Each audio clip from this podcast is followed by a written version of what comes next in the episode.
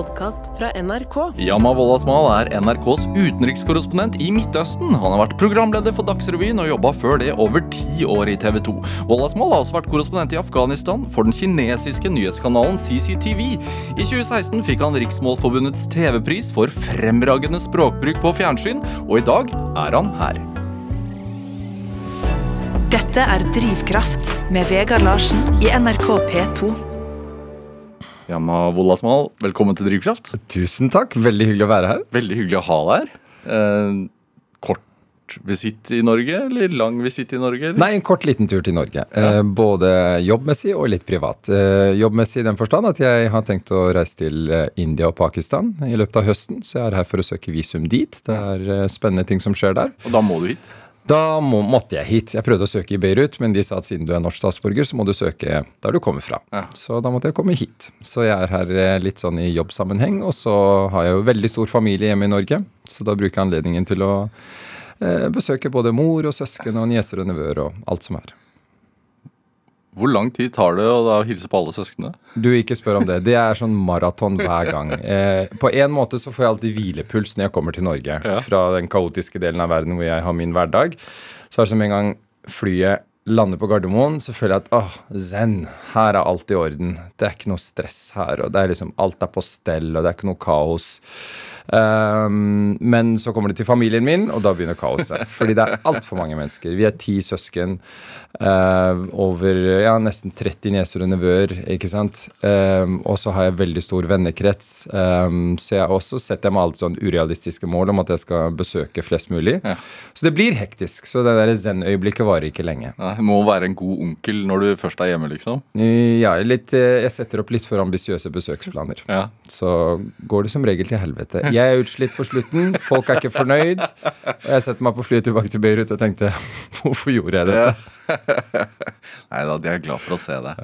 Men hvordan har du det, da? Du, jeg har det veldig fint. Ja. Jeg har det veldig fint akkurat nå, både karrieremessig. Jeg har to eh, nydelige døtre på, på tre og fire og et halvt. Eh, kone de er sammen med meg i Beirut. Eh, Det er veldig, veldig fin eh, tid i livet, for å være helt ærlig. Jeg får tid til å være sammen med dem på en helt annen måte enn jeg ville gjort f.eks. her, for her jobbet jeg turnus. Eh, hva med alt det innebærer. Eh, men i Beirut så styrer jeg hverdagen min selv, så jeg har gode rutiner på å liksom spise frokost med døtrene mine, kjøre dem til skolen, eh, gjøre meg ferdig med jobb innen de kommer hjem fra skolen. Så jeg har liksom gode rutiner hvor jeg får kombinert både jobb og privatliv. Jeg trodde korrespondentlivet var sånn altoppslukende. At man bare reiste og aldri var hjemme. Absolutt. Og... absolutt. Ja, det er mer enn nok å gjøre. Jeg har ansvar for eh, 17 land, så jeg kan jobbe døgnet rundt, eh, egentlig. Men det er, det er liksom Ja. Du må finne den balansen. Jeg føler at jeg har funnet den, og jeg føler at jeg får levert eh, på jobb. Og samtidig få satt av tid. For disse årene med barna, de får du ikke tilbake. Eh, og det er liksom Du er superhelten i livet deres, og jeg nyter hvert eneste minutt av det. Har har det tatt deg tid til å uh, innse det? Nei, jeg var ganske bevisst på det før jeg søkte jobben. Jeg snakket med tidligere kolleger, eller kolleger som var korrespondenter tidligere, og tok litt lærdom av det. Eh, Skilsmisseraten er visst ganske høy blant korrespondenter. Eh, Nettopp fordi det blir altoppslukende, og så glemmer man kanskje at man har en partner på slep og barn på slep. ikke sant? Fordi du får jo alle fordelene ved å være korrespondent når du er ute. Du har en spennende hverdag, det skjer ting rundt deg, alle vil ha en bit av deg, du blir nedringt, du reiser rundt. Superspennende. Og så har partneren din fått alle drawbackene, ikke sant? alle ulempene med å flytte fra stoppe sin karriere, sette sitt liv på vent for at du skal eh, få realisere din drøm. ikke sant? Barna blir røsket ut av sin trygge tilværelse i en ukjent tilværelse. Så, så det lønner seg å ha de tingene i bakhodet. Jeg lærte litt av de samtalene med kollegene. at liksom, Husk på den balansen, hvis ikke så går det til helvete med forholdet. Det med å ta med såpass små barn, Mm. eh, hvilken erfaring tror du at de får med seg, altså i bagasjen? Vet du hva, Det er jo en stor fordel at de er så små. Ja. Fordi yngstemann hos oss eh, var jo eh, et, ja, seks uker gammel da vi flytta ned. Mm. så hun er jo fullblods libaneser, holdt jeg på å si. Så, så det er fordel når de er så små, så har de jo ikke venner og nettverk. Det er bare å ta dem under armen og flytte dit du vil. Eh, jeg velger å tro, og det har faktisk vært en av motivasjonene mine for å reise til et sted som Beirut, sammen med kona så var vi enige om at vi unner dem den erfaringen. Vi har begge flyktningbakgrunn. Eh, Jeg fra Afghanistan, kona fra Kurdistan i Irak. Eh, Begge har opplevd eh, den traumen det er å bli røsket opp etter røttene? Pga. en krig, pga. en konflikt, pga. forfølgelse. Eh, å forlate det trygge hjemmet ditt. Vi kom ikke fra fattige kår, foreldrene våre. Vi var typiske middelklassefamilier. Vi hadde det veldig godt der vi var i Afghanistan og Kurdistan. Ja. Og så må vi flykte. Og så ender vi opp som flyktninger i ulike land, før vi lander i denne lille oasen her, som vi hadde, aldri hadde hørt om. Um, og barna våre vokser jo opp i Norge. Eh, Det er jo dette som er hjem for dem. Eh, og jeg tror og håper at det oppholdet i Libanon setter livet deres litt i perspektiv. De ser ting som de aldri kommer til å se i Norge. Når min fire år gammel datter på vei til skolen spør hvorfor banket den lille jenta på min alder på ruta di, hva er det hun ønsket, så må jeg forklare henne at hun bor på gata. Hun er like gammel som deg. Hun har ikke mat på bordet. Der er moren. De lever under det treet. Ser du de putene? Det er hjemmet deres. Og hun tigger om penger for å få mat. Eh, Det tvinger deg til å ha disse vonde samtalene med en fireåring. Og jeg håper og tror at de tar en lærdom av det. At de, når de kommer tilbake til Norge, så vil de kanskje sette litt mer pris. De vet jo ikke hva de kommer til i Norge, men når de kommer hit og vokser opp, så er jeg overbevist om at den erfaringen i Beirut vil gjøre det livet deres litt rikere. Eh, De får litt annet perspektiv. Dette er Drivkraft med Vegard Larsen i NRK P2. Og i dag er eh, utenrikskorrespondent eh, Yama Wollasmal eh, gjest hos meg her i Drivkraft på NRK P2. Hverdagen i Beirut, altså jobbhverdagen, hvordan funker det? Altså, du sier jo at du har ansvar for 17 land. Alt, Altfor mange land. Alt for mange land. Jeg ligger alltid bakpå, selv om jeg føler at jeg jobber hele tiden. Men uh, hverdagen er egentlig det er veldig, veldig, du er veldig, altså det er veldig selvstendig hverdag. Du styrer den selv i stor grad, med mindre det er ting som skjer i nyhetsbildet. Da, som Har du- gjør at du Jeg har et kontor hjemme, Ja. så jeg våkner, leverer barna på skolen. Kommer tilbake og har liksom gode seks-sju timer på kontoret. Hvor jeg både gjør research, eh, bruker den tiden til å levere liver eh, til Nyhetsmorgen om dagsaktuelle ting. Så det er egentlig jeg som ofte foreslår ting for de ulike flatene på NRK. Ja.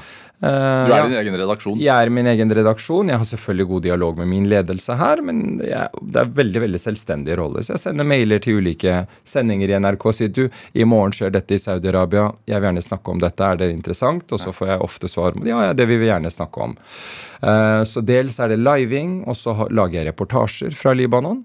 Og så har jeg jo reiser, planlagte reiser, som jeg har lagt opp til typ annenhver måned. Så tar jeg en tur til et land i mitt område. Um, hvor det enten kan være valg, eh, at det har vært noe politisk uro der, at det har vært en naturkatastrofe. Det er et eller annet uh, som gjør det aktuelt å reise dit. Det er derfor jeg skal til Pakistan. Landet opplever veldig stor uro akkurat nå. Uh, mannen som ble folkevalgt for noen år siden, ble fjernet, og han sitter fengslet nå. Det er et valg der om seks måneder. Han leder landets største parti, og han sitter fengslet. Hvordan kommer dette til å gå? Så det er en av grunnene til at jeg vil dit. India skjer det veldig mye spennende, så jeg har planlagt en tur dit. Håper å få visum dit. Så, så det er egentlig hverdagen. Jeg eh, liver fra Beirut om ting som skjer i min region. Jeg lager reportasjer, og jeg planlegger turer til nærområdet. Siden du da på en måte Eller siden du er din egen redaksjon og, og styrer innsalgene selv, eh, har, har du noe overordna tematikk som du er spesielt interessert i å få solgt inn? Egentlig ikke. Du vet hva, Det er 17 land. Det er så mye. Man ser på Midtøsten som en sånn hva skal jeg si, eh, et homogent område, men herregud for noen forskjeller. Altså, jeg virkelig Ja, hvordan er egentlig vår sånn forestilling av Midtøsten? Uh, den er ganske negativ. Ja. Eh, du får ikke akkurat positive assosiasjoner når du hører Midtøsten. Jeg tror de første tankene som kommer i hodet, er ofte uro, ustabilitet, krig, konflikt, terror. Eh, Ikke, et fe, ikke en feriedestinasjon, i hvert fall, tenker jeg. Absolutt ikke. Eh, du har Dubai, da, ikke sant? men det er ikke så populært blant nordmenn. Men eh, resten av verden har oppdaget Dubai for lenge siden. Så, så, så det er, og det er en av motivasjonene mine for å reise til mitt, eller var motivasjonene mine for å reise til Midtøsten. Å prøve å få nyansert synet på denne ufattelig interessante eh, regionen som har så mye mer å by på enn disse konfliktene og krigene. Ja, det er en del av Midtøsten, men herregud, det bor 450 millioner mennesker i denne regionen som jeg har ansvar for. Folk har et dagligliv. Det er familier som oss, det er folk som har barn, det er folk som har fremtidsambisjoner. ikke sant? De får hverdagen til å gå rundt til tross for at alle oddsene er mot dem på mange måter. Det syns jeg er sykt spennende øh, når du kommer fra trygge Norge, hvor alt er tilrettelagt. ikke sant? Vi vet jo ikke hva det er å oppleve hardship, da, på en måte. Eh, vi har sikkerhetsnett overalt. Mm. Koronaen rammet 300 000 nordmenn mistet jobben over natta. Og med en gang så kicket godene inn. Man fikk liksom lønn fra staten, man fikk liksom lønn, penger på kontoen, man mistet ikke hus og hjem. Man hadde mat på bordet, mens i resten av verden så må man overlate til seg selv. I mm. Libanon har millioner av mennesker mistet levebrødet sitt pga. den økonomiske krisen. Folk som var middelklasse, havnet på gaten. Ingen som tar seg av dem. Hm. Men de finner en måte å overleve på, og det syns jeg er sykt spennende. Hvordan klarer du å skape den nyanseringen i reportasjene? fokusere på alt det jeg føler vi ikke har fokusert på. Det er masse glede der. Det er masse, masse positive nyheter der. Det er en giv der som jeg ikke har sett i Europa. Til tross for at man står overfor enorme utfordringer. Eh, jeg går sammen med libanesiske vennene mine, som alle på hver sin måte lider under den økonomiske krisen. Altså, bare for å sette litt i perspektiv. Libanon er et land på størrelse med Rogaland fylke. Omtrent like mange mennesker som bor der, som Norge. Landet opplever nå den verste økonomiske krisen på over 100 år i verden. Mm. Alt har kollapset. Hva vil, hva vil, det si? Altså? Det vil si at det er 90% inflasjon. Så den lønna de som var verdt, la oss si 10 000 kroner for fem år siden, ja. Den er nå verdt 1000 kroner. Så du har hatt en, en, et verditap på pengene dine Hvordan? på 90% Har du hatt 100 000 kroner i sparepenger i banken, ja. så sier banken de er verdt 10 000. Og hvis du vil ha dem, så får du dem. Hvordan ser du det? Ser det overalt. Det er 70% av befolkningen havna under fattigdomsgrensen. Og vet du hva det betyr? Det betyr at de må klare seg på under 20 kroner dagen. Per person. Ikke sant? Det har skjedd over fem år. På fem år så har de gått fra å være et middelinntektsland til å bli fattig. Det rammer hele befolkningen. Men folk legger seg ikke ned i fosterstilling for det. Og det syns jeg er sykt spennende. Hva gjør de da? De prøver å få hverdagen til å gå rundt. Landet mangler strøm, f.eks. Det er ikke noe offentlig strøm der. Hele landet går på aggregat. Libaneserne finner en løsning. Tenk ok, da har staten øh, ødelagt det også. Nå får vi ikke strøm i stikkontakten. Da må vi finne en løsning. Mm. Så kommer disse aggregat mafiaen, som de kaller det, og hm. tilbyr folk strøm. Hm. Så trenger du strøm, så kontakter du en aggregatleverandør eh, i nabolaget ditt, og så får du en kabel opp til din leilighet, og så får du strøm. Det er jo trist på én måte, men den der tilpasningsdyktigheten til libaneserne syns jeg er helt ufattelig. Det er på én måte en velsignelse, for det gjør at de overlever. Hm. På en annen måte så har det blitt en forbannelse. Fordi det gir lederne deres, som har kjørt dette landet i grøfta, null insentiv til å endre seg til å, føre til, til, til, å gjennomføre endringer. Mm.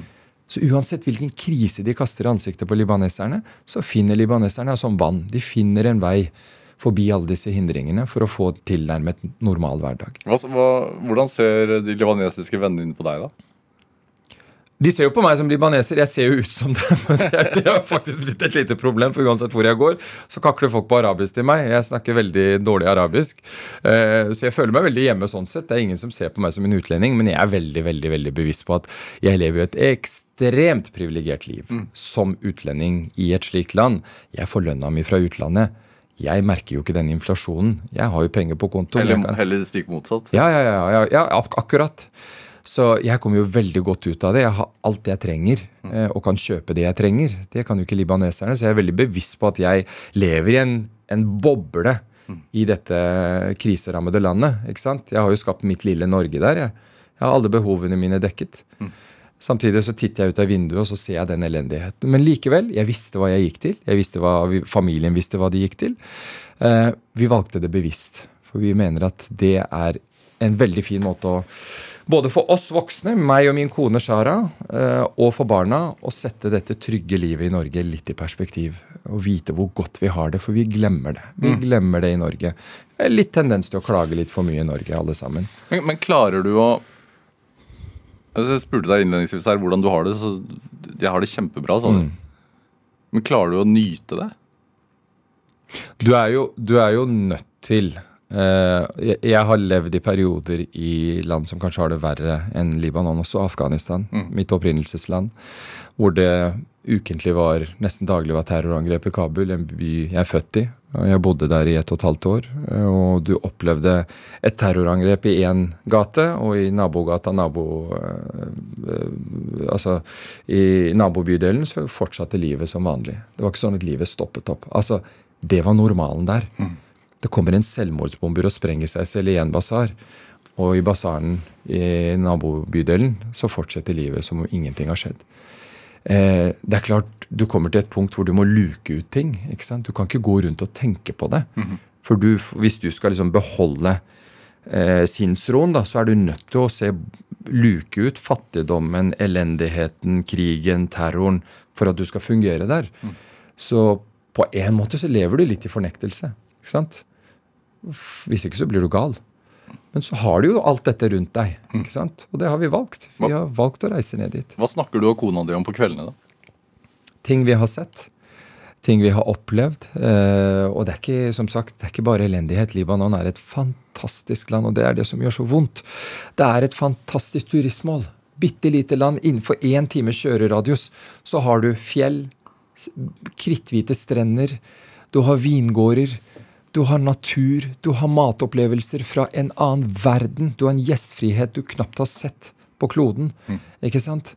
Så vi opplever jo den biten, og så ser vi alt som går galt. Og det er liksom det vi snakker om på kveldene. Åh, oh, den restauranten der. Fy søren, for digg mat. Og så billig det var der. ikke sant? Og så drar vi ut på fjellet, og så bader vi med barna på stranda. ikke sant? Og alt dette er gratis. Det er ingen som tar betalt for det. Eh, og så snakker vi om all elendigheten. Så det er en del av hverdagen. Er det den, påst, altså den uh, stå-på-viljen som du ser blant uh, libaneserne, mm. den må jo komme fra håp? Altså At det skal bli forbedring. Altså Man må jo få endene til å møtes hver dag. Man må, man må få mat på bordet, man må få strøm. Men det må jo også være noe håp? Absolutt. Det er både håp, men det er først og fremst overlevelsestaktikk, egentlig. Det er en overlevelsesmekanisme. Og grunnen til at de Hvis du går ut en kveld i Beiruts gater, så ser du at restaurantene er fulle, kafeene er fulle. Og så lurer du på hvordan i all verden er dette mulig? Hvordan kan folk stå literally på bordene og danse? Til sent på kveld. Hvordan er det mulig i et land som har kollapset på alle måter? Altså Det blir beskrevet som en failed state, altså en mislykket stat. Det er definisjonen på en mislykket stat, hvor alt har gått galt. Og så ser du i gatelivet, så lurer du på hvordan dette er mulig. Og Jeg snakket med mine libanesiske venner. Hvordan kan dere leve på denne måten? Og de sier hele livet vårt i generasjoner har vi vært, vært, vant til kriser. Livet vårt så har den ene krisen avløst den andre. Mm. Vår normal er kriser. Og da kan ikke vi planlegge fem og ti år frem i tiden. Vi lever nå. Vi lever i dette øyeblikket. Jeg skal nyte hvert eneste øyeblikk, for jeg vet ikke hva jeg våkner til i morgen. Det er literally sånn. Mm. At de våkner til en ny krise nærmest hver uke. Så de blir drevet fra skanse til skanse. Hvis de i det hele tatt skal fungere som mennesker, så er de nødt til å nyte de øyeblikkene som er der. For oss så virker det fjernt. For oss så tenker vi liksom herregud, hvorfor er du ikke hjemme og depper over det du opplever. Mm. Men sånn fungerer ikke libaneserne. Mm.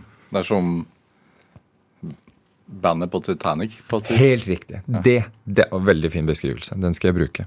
Den skal jeg bruke. Hvorfor har det gått så galt?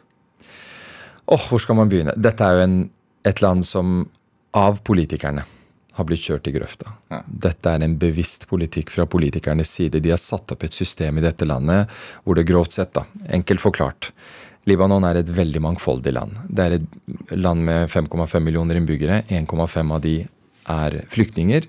4 millioner libanesere. Det er eh, sunnimuslimer, sjiamuslimer, et mylder av kristne minoriteter som har levd sammen i århundrer. Eh, og det har ført til mange konflikter mellom de ulike religiøse og etniske gruppene. Og det utløste en borgerkrig på 70-tallet som var utrolig brutal. Deler av Beirut ble lagt til grus. Og så kommer man til enighet, får slutt på den krigen. Hvordan gjør vi det? Jo, da bestemmer vi oss for å dele makta oss imellom, basert på religiøse skillelinjer.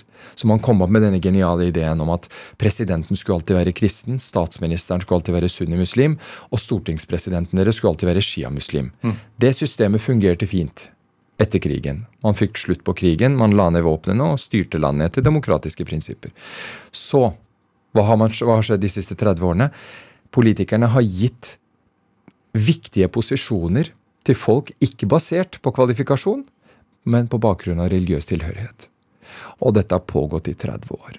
Så dårlig kvalifiserte ledere som ikke har anelse om det, det ansvaret de har fått, eller det departementet de skal lede, har ført til politisk vanstyre. Som i dag har resultert i at landet har kjørt ned i grøfta. Hvordan har lederne det, da? Lederne har, de merker ingenting. Nei. De har strøm, og de har pengene sine i behold, og de visste jo at denne krisen kom, så de sikret seg og fjernet pengene fra bankene og sendte dem til utenlandske banker. De merker ikke denne krisen.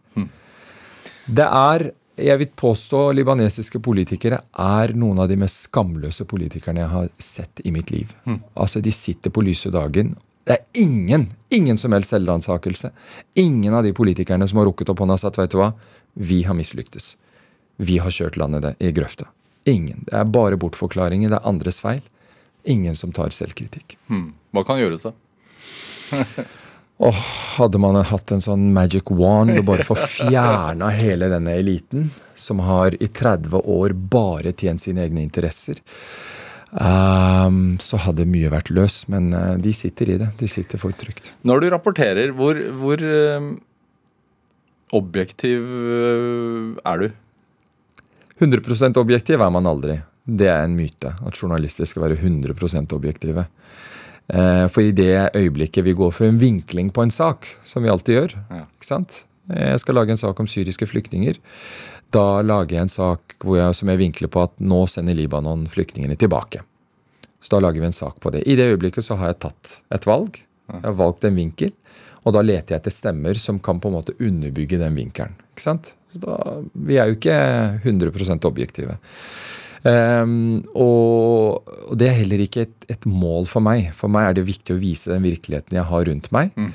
Og som utenrikskorrespondent så føler jeg også at vi har ganske stor frihet, frihet til å også analysere det vi ser, for seerne våre. For den virkeligheten jeg jobber i, er så fjern fra den norske virkeligheten at jeg må nesten være en slags tolk. Når jeg møter en, en libanesisk barnefar som har tatt med seg familien sin om bord en, en falleferdig trebåt eh, for å komme seg til Europa, og tre timer ute i seilasen så opplever han at båten kantrer, og han mister hele familien på et blunk. Og vi sitter der med han, og han bryter sammen foran kamera. Og vi bryter sammen, jeg og kameramannen min. Det er, når du opplever sånt, så krever det en slags forklaring fra meg. Så når jeg går live etter den reportasjen, så er jeg nødt til å tre ut litt av journalistrollen. eh, Og forklare hvorfor mennesker er villige til å gjøre det. Ikke sant? Så jeg må på en eller annen måte ta av meg journalisthatten og forklare det folk ser, fordi det er så fjernt for folk her hjemme, mye av det vi lager fra Midtøsten. Er det, er det alltid på de svakes side? Det er et av målene mine. Ja. Eh, alltid eh, prøve å få Det er jeg veldig opptatt av da, Vegard. Jeg er veldig opptatt av å gi alle disse tallene vi slenger rundt om oss som, som journalister i introer og i, i saker om at ja, 500 eh, migranter døde i Middelhavet så langt i år, eh, og terrorangrep i Irak, eh, 50 drept, og terrorangrep i Pakistan, 100 barn drept. Dette er mennesker, dette er ikke tall. Og En av de motivasjonene jeg har, er for å oppsøke disse stedene, disse situasjonene.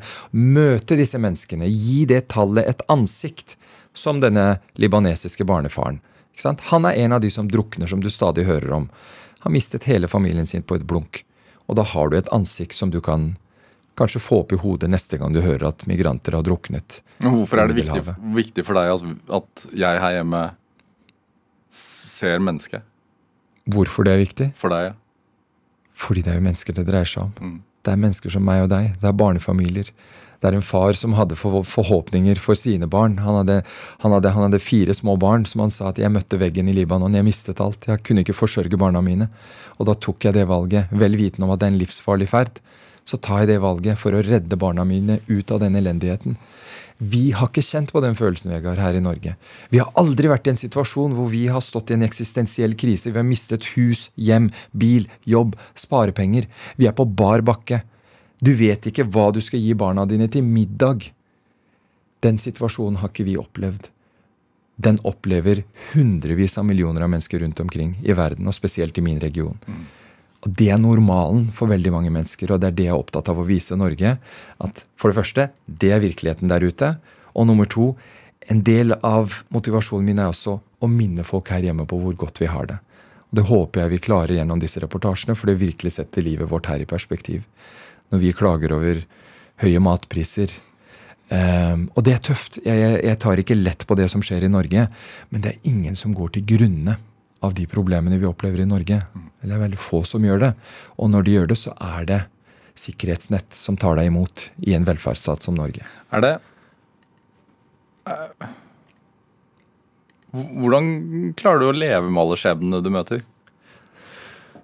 Jeg tror hvis ikke jeg hadde vært en type som um, er åpen og prater om det jeg opplever Hvis jeg hadde vært inneslutta, så hadde jeg møtt veggen for lenge siden. Ja. Du møter såpass sterke skjebner. Du møter mennesker som har opplevd ting du ikke kan forestille deg, som du ikke ser på film engang. Og så sitter du der overfor et menneske som har opplevd noe du ikke kan forestille deg, og du har lyst til å ta og føle på vedkommende. Hvordan klarer du å våkne om morgenen? Hvordan klarer du å leve deg gjennom en dag etter det du, etter det du har opplevd? Um, så, så, så det er klart det gjør inntrykk. Jeg tar med meg disse inntrykkene. Jeg prater ut om det først og fremst med min kone. Mm. Men så har jeg også et veldig veldig fint apparat rundt meg fra NRK. Jeg har en ledelse som er veldig på. Eh, de, vi har løpende debrifer. Er jeg i en krig eller konflikt og opplever fæle ting, så har jeg samtaler med dem fra det landet. Mm.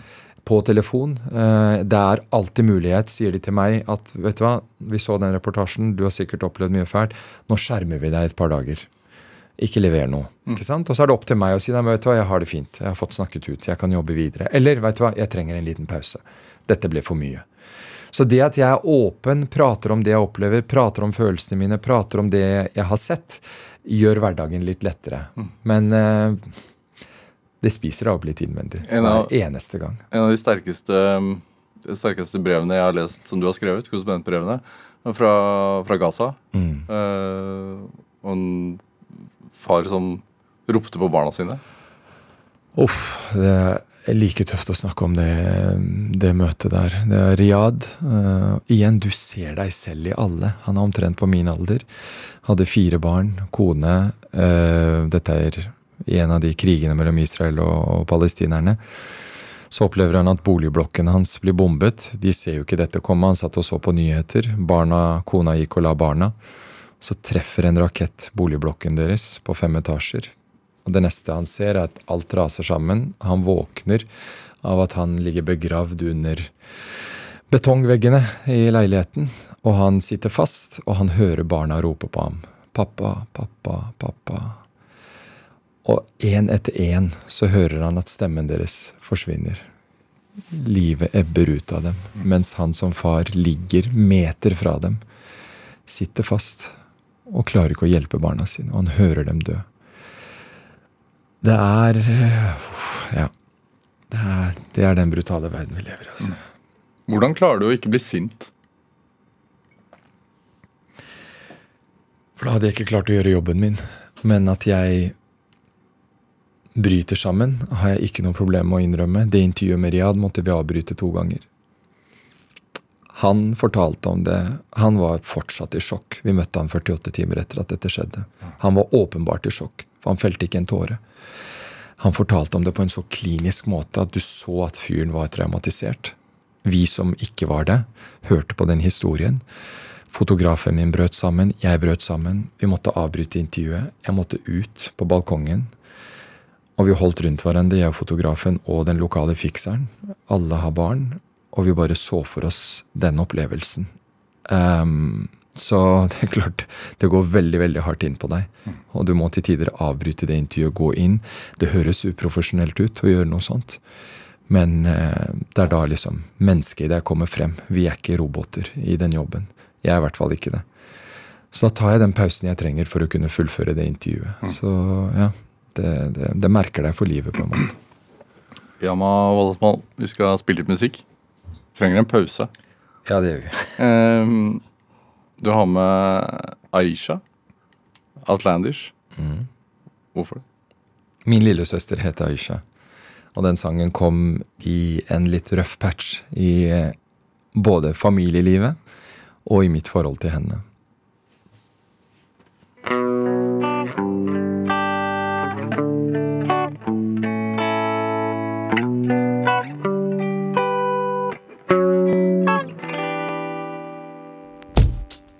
Y'all radios out there. Song goes out to yo. Yeah, Aisha. All my sisters, yeah. So sweet, so beautiful. Uh, yeah. Every day like queen on a throne. No, nobody knows how she feels. Aisha, lady, one day it'll be real. Let's do it. She moves, she moves like a breeze. I swear I can't get her out of my dreams. So have her shining right here by my side, shining like a star. I'd sacrifice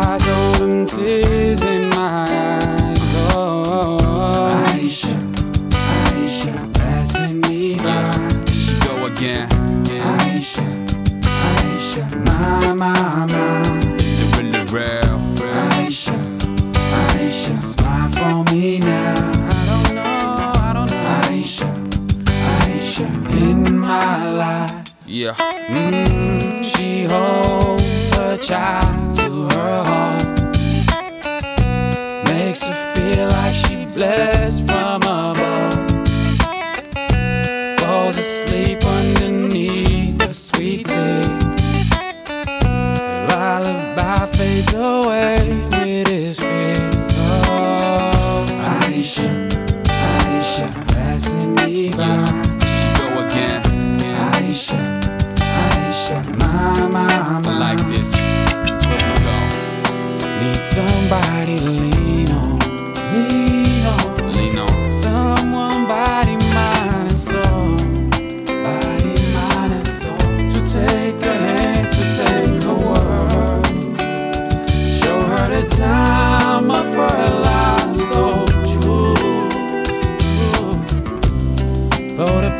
away for good. No more contemplate. No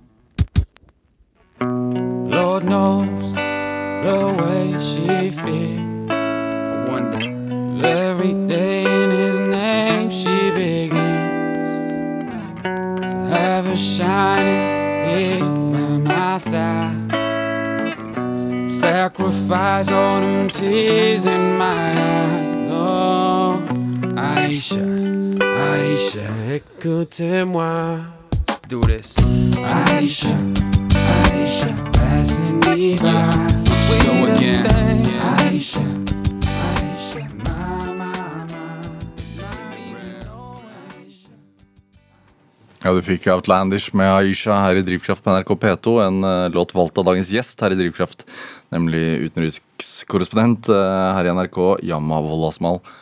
Går det bra? Mm, det går fint. Den, den uh,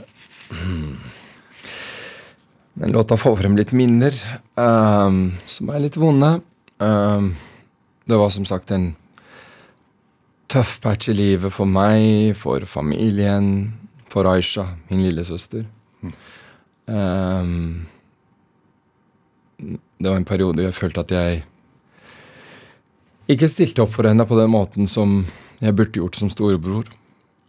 Uh, vi er heldig, heldig, heldigvis et helt annet sted i dag. Uh, jeg har veldig veldig godt forhold til alle mine søstre. Uh, og vi har patchet opp. Um, og Aisha er en fantastisk drivende, dyktig dame som eh, har gjort lynende karriere innenfor sitt felt og bare blomstrer. Og det er så godt å se. Men, men akkurat da den låta kom, så var vi et dårlig sted. Vi var ikke et fint sted. Det med Det i deg som eh, Som handler om å stille opp. Hvor kommer det fra?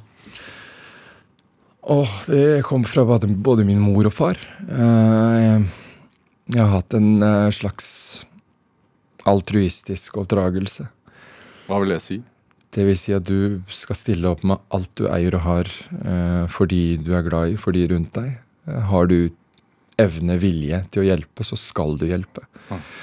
Konseptet egentid eh, fins ikke. Fantes ikke i min oppdragelse, min oppvekst. Min mor pleide å låne meg bort. Jeg var glad i å pusse opp. Eh, hun lånte meg bort allerede da jeg var liksom 12-13 år gammel, til venninner. Bare kunne komme hjem fra skolen og så kunne de si du, lørdag skal du ikke finne på noe. Da skulle de hjem til venninna mi og pusse opp stua hennes. Hun vil male, bare gå med dem og handle maling og sånt. Ok, greit. Pappa gjorde det samme. Um, de har alltid gitt vi, vi, levde ganske trange kår i Norge på 80-tallets, liksom i 80-tallets Grünerløkka. Mm. Eh, og vi levde på sosialen i en kommunal leilighet. Eh, men likevel så klarte de å sette av penger til å hjelpe familien i Afghanistan. Og det lærte de oss til å, til å gjøre, eh, rett og slett. Og det, det gikk på bekostning av f.eks. at jeg ikke kunne drive med idrettsaktivitet slik jeg ønsket, for det, det, hadde vi ikke råd til. Vi måtte hjelpe familien i Afghanistan. Mm. Så de ofret på mange måter barnas ve og vel, da, mm. for å ta vare på familien. Men for oss var det normalen. Um, hvor, hvor, hvor, hvor, voksen må man bli før man setter pris på det, holdt jeg på å si? Man blir ganske voksen. uh, jeg husker jo veldig godt en historie. Uh, jeg gikk i sjette klasse, uh, skulle begynne på fotball. Eh, kompisen min hadde begynt noen år tidligere. Det var på Frigg rett borti her, eh, på gressmatta her ved Marienlyst. Eh, og så kom jeg på trening, har med meg leggbeskyttere. Vi hadde ikke råd til både leggbeskyttere og sko. Så jeg kom på trening dag én, dag to, dag tre med bare leggbeskyttere og vanlige joggesko. Til slutt så sa treneren du får ikke trene mer. Uten å spørre meg hvorfor jeg ikke kom med de skoene som alle andre har. Så jeg fikk bare streng beskjed om at da var ikke jeg velkommen. Så det ble enden på min lille fotballkarriere, holdt jeg på å si. Sånn var det. Og da var det tøft når du må hjem fra treninga, og du kan ikke gå hjem og klage, fordi familien i Afghanistan har det jo mye verre. De har jo ikke mat på bordet. Du har ikke fotballsko. Så du føler deg ikke særlig kul når du kommer hjem og klager over det. Så du må bite det i det. Og der og da er det tøft når du er i sjette klasse og opplever noe sånt. Men i voksen alder så Ja, når du da reiser tilbake til Afghanistan og møter de familiene, og de sier til deg, vet du hva, det at min sønn fikk ta en utdanning, var takket være pengene faren din sendte. Det at han har en jobb i dag, er takket være den hjelpen moren din sendte. Mm. Da går det opp for deg at da var det verdt det. Mm. Da var den fotballtreninga verdt det. Å droppe den og ofre den. Mm. Men det å få den beskjeden i den alderen gjør at man føler på et utenforskap, da. Absolutt. Vi, vi følte oss fattige. Vi følte at eh, alle andre hadde mye mer enn oss. Men samtidig Vegard, så fikk vi en oppdragelse hvor I hvert fall jeg, da. Jeg kan snakke for meg selv. Jeg vet at mine søsken har en litt annen erfaring. Men jeg, jeg fikk også en sånn Jeg hadde en selvtillit på at vet du hva, sånn er livet. Sånn er det. Jeg har ikke råd til de skia. Jeg har ikke råd til å bli med på leirskole. Eh, og det er surt, og det er kanskje litt flaut til tider, men gud, jeg har så mye annet. Hva hadde du som var annet, da? Jeg hadde en fantastisk familie. Jeg hadde et samhold med mine søsken.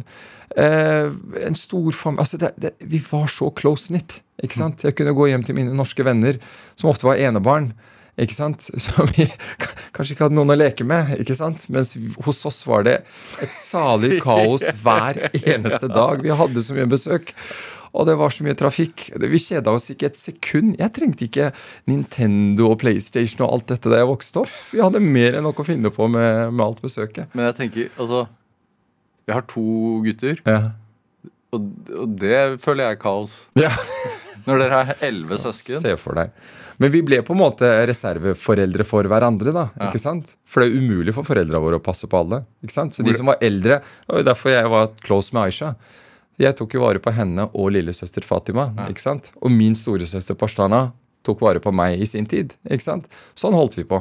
Så vi avlastet foreldrene våre. Vi hjalp hverandre med lekser. og Vi gikk til og med til foreldremøte for hverandre. For noen ganger så krasjet foreldremøtene, og da var det sånn storesøster gikk med lillebror til foreldremøte. Ja. Så sånn, Det var normalen vår. Hvor er du i rekkefølgen? Jeg er uh, nummer sju. Ja. Så det er uh, Jeg har to yngre enn meg. Eller nummer åtte blir det. ja. Hva er aldersforskjellen? Uh, Yngstemann er uh, rett ja, Hun har vel bikka 30, og eldstemann nærmer seg 58. Hæ. Så er det en 30 års spenn. Er det Altså, dere, Du er jo født i Kabul? Jeg er født der og var fem år gammel da vi kom hit. Ja. Men reiste fra Kabul da du var bare noen måneder? Tre måneder gammel var jeg da russerne ja, Russerne invaderte eh, tre måneder før jeg ble født. Så da jeg ble født, så flykta vi noen måneder senere. Ja. Til Pakistan, som var det landet som tok imot flest afghanske flyktninger. Da var det til tider fire-fem millioner afghanere som bodde. Vi bodde der i fire år, eh, før vi fikk politisk asyl i Norge i 1986. Du var ung, da, men hva husker du? Eh, jeg husker veldig godt at eh, ingen i familien visste hvor Norge var.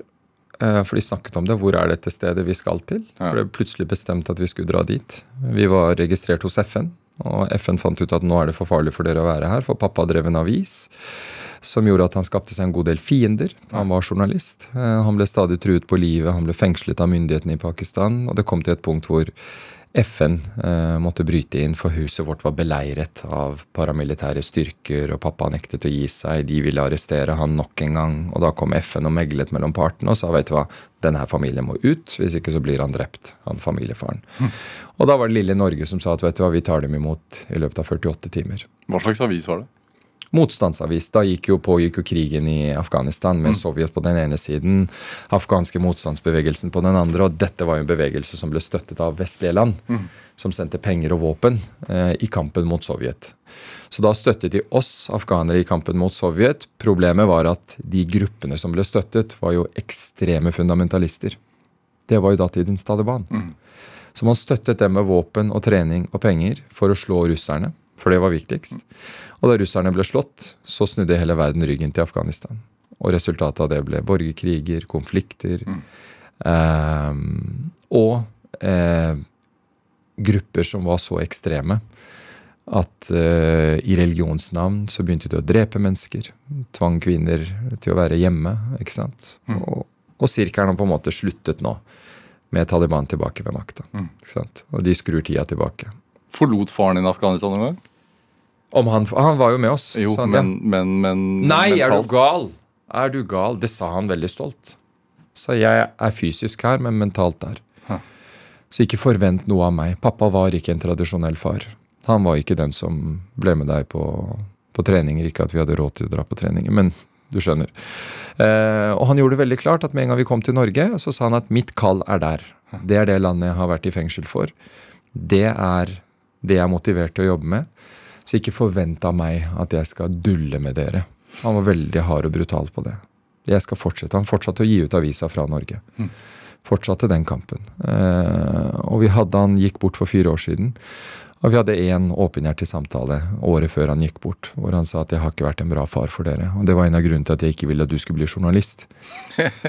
ja, men du trosset meg, fordi det er ikke en familievennlig jobb, sa han. Du blir oppslukt. Jeg klarte aldri den balansen, og ble dratt ned i det dragsuget. Og ofret dere. Så han kom til en erkjennelse mot slutten. Men det tok han, eh, hva var det, 82 år? Hvordan føltes det. da? Det var veldig lett. Det var stor lettelse. Men det skal sies, da. Vi, vi har jo hatt mange av de samtalene. Jeg er kanskje det barnet som har presset han mest Ja. til å komme til den innrømmelsen. Så jeg har hatt hundrevis av de samtalene. Men denne gangen lyktes jeg med at han tok det til seg og sa vet du hva, det er sant. Jeg har, jeg har ikke vært en bra far. Så moren din som var sjefen hjemme? Mamma har vært alt for meg, i hvert fall. Hun eh, har vært min bauta. Hun har, eh, hun har stilt opp med det lille hun har hatt. Um, og, ikke sant? Var hun som sørget for at jeg fikk kjøpe min første bil da jeg fikk lappen. Det var en gammel Golf til 9000 kroner som manglet seter, så jeg måtte på Smalvollveien til bilopphuggeren der. Og kjøpe tre forskjellige sett med seter og mot- montere de. og ikke sant? Dekkene var utslitt. og ja, men det var bilen min, og det var det mamma som sørget for at jeg fikk råd til å kjøpe. Så hun har alltid alltid gjort det hun kan for å gi oss et tilnærmet normalt liv her i Norge. Så det, Den, den avisen til faren din ja. eh, ble vel også sikkert lest av afghanere i Norge? ja, ja, det var den, den mest populære avisen blant eksilafghanere i verden. Hvilken, Det var lite opplag, Ja. men den hadde vanvittig slagkraft. hvilken um Har det hatt noen betydning? Altså at, at du er Vollasmal? Altså, det er jo rørende. Han har jo gått bort nå, men det navnet Pappa var jo en rar type. Han hadde jo egentlig et annet etternavn da han vokste opp, men da han ble voksen, så endret han etternavnet sitt til Volas Mal. Volas betyr folk, mal betyr en som bryr seg. Så han endret etternavnet sitt til Wolasmal. Så vi er jo de eneste i Afghanistan som har det navnet. Og med hans innsats og hans avis og det navnet han skapte seg Han er en slags hva skal jeg si, Harald Stanghelle i Afghanistan. Høyt respektert fyr som ikke sant, alltid har vært veldig sånn prinsipiell. Um, så det er jo rørende jeg drar til Afghanistan. Uh, da jeg intervjuet Talibans utenriksminister uh, da han kom til Norge var det for ett år siden, eller noe sånt, um, så hilste han på meg, og så hadde han fått med seg navnet mitt. Så han hilste på meg, han ga meg liksom håndtrykk, eller sånn formelt. Så, så sa jeg hei, jeg heter Yama Wolasmal. Så stoppet han litt opp. Så sa han Wolasmal? Jeg bare ja. Du, er du i slekt med senior Wolasmal? Jeg bare ja, det er pappaen min.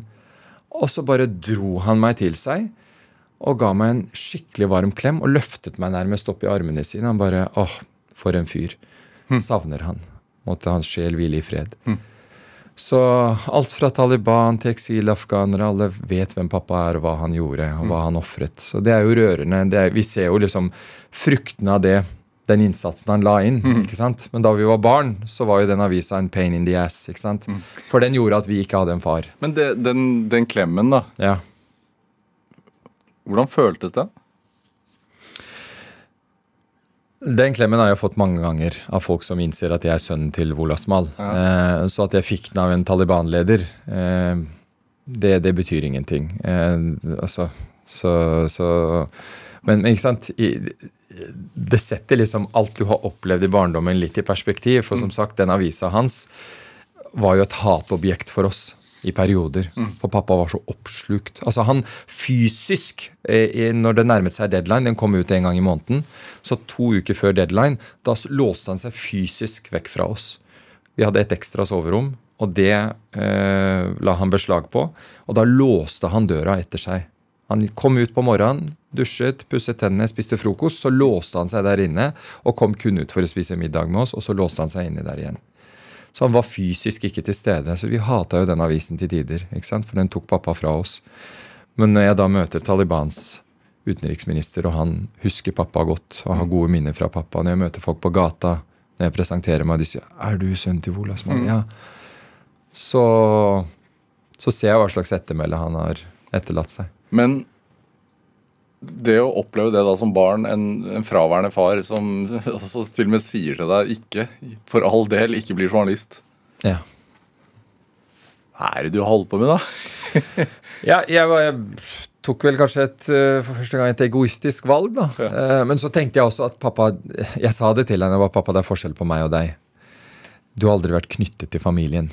For deg var livet utenfor familien det som på en måte var drivkraften din. Mm. Jeg har fått en annen oppdragelse. Jeg kommer aldri til å vende ryggen til den familien jeg en gang får. Bare se på båndet jeg har med mine søsken, min mor. ikke sant? Men, du hadde ikke det båndet med foreldra dine. Han stakkars hadde en veldig tøff barndom ja. med, med, en ikke-eksisterende far. Og en mor som var til stede, men de var lutfattige. Så hun hadde jo ikke ressurser til å liksom gi han det han trengte. Jeg hadde en ressurssterk mor som stilte opp for meg på alle måter. Så jeg var en annen type enn pappa. Men hvorfor journalistikk? Hvorfor journalistikk? Eh, jeg kan nesten datere det til når jeg fikk opp øynene for journalistikk. Første Gulfkrigen, 1991. Mm. Pappa var den han var. Um, og hos oss gikk liksom BBC og CNN i loop. Mm. Det trumfet når som helst barne-TV. Vi vokste opp med bare nyhetskanaler. Du var og Irak, år, da? Du var ni år. Ni år gammel. Og ble med på hele oppbyggingen av den første Irak-krigen sammen med pappa. Så på CNN hele tiden. Og vi visste at før eller siden skal amerikanerne bombe. For det var det de la opp til. Eh, og vi husker så godt Peter Arnett, CNN. Han var på plass i Bagdad, rapporterte om liksom, bombene som kunne komme når som helst. Og så legger jeg meg hver natt og sier til pappa 'vekk meg når bombene kommer'. Ikke sant? Og det skjer ikke, det skjer ikke, og så plutselig så kommer han inn en dag, to på morgenen, eh, vekker meg, og det første han sier 'Ja, må våkne opp, jævelen har begynt å bombe', sa han. Og da dro vi inn til stua. Vi husker bildene fortsatt. Nattkikkertbildene over Bagdad, mm. hvor rakettene slo ned i sentrum av byen, og Saddams palasser ble bombet.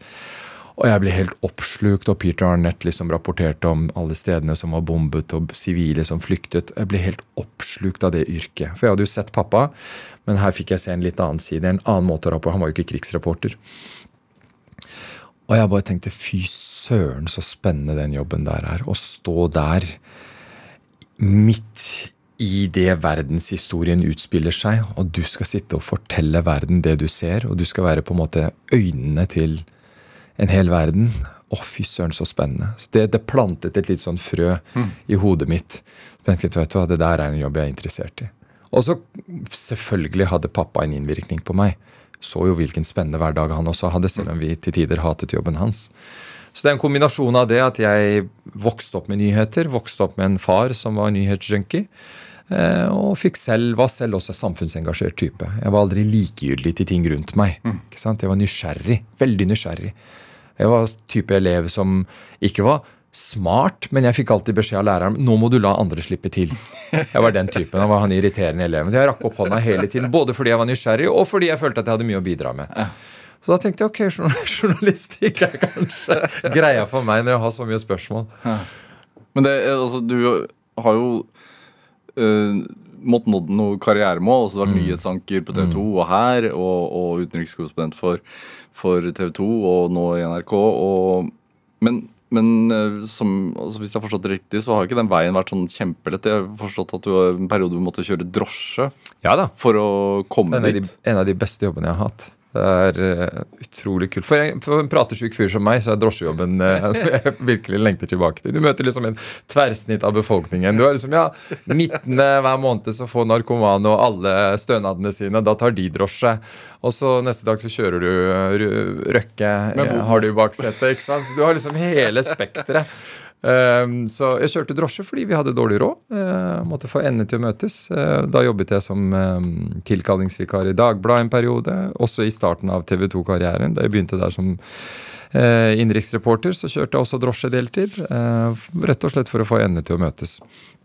Um, og så ville jeg jo jobbe med utenriksjournalistikk. Det var liksom det som var på en måte kallet mitt. Det var det jeg var interessert i. Mm. Jeg klarte aldri å engasjere meg veldig i norske forhold med min bakgrunn fra Afghanistan, med den oppdragelsen jeg hadde fått, så var det alltid sånn at jeg så på Norge som en liten oase hvor alt var på stell. Du var eh, her, men mentalt et annet sted? Takk. Det er første gang jeg har hørt det, men det er greit. Ehm, men det er helt riktig. Eh, jeg var opptatt av alt som skjedde utenfor Norge. For jeg tenkte vi har jo egentlig ikke problemer i Norge.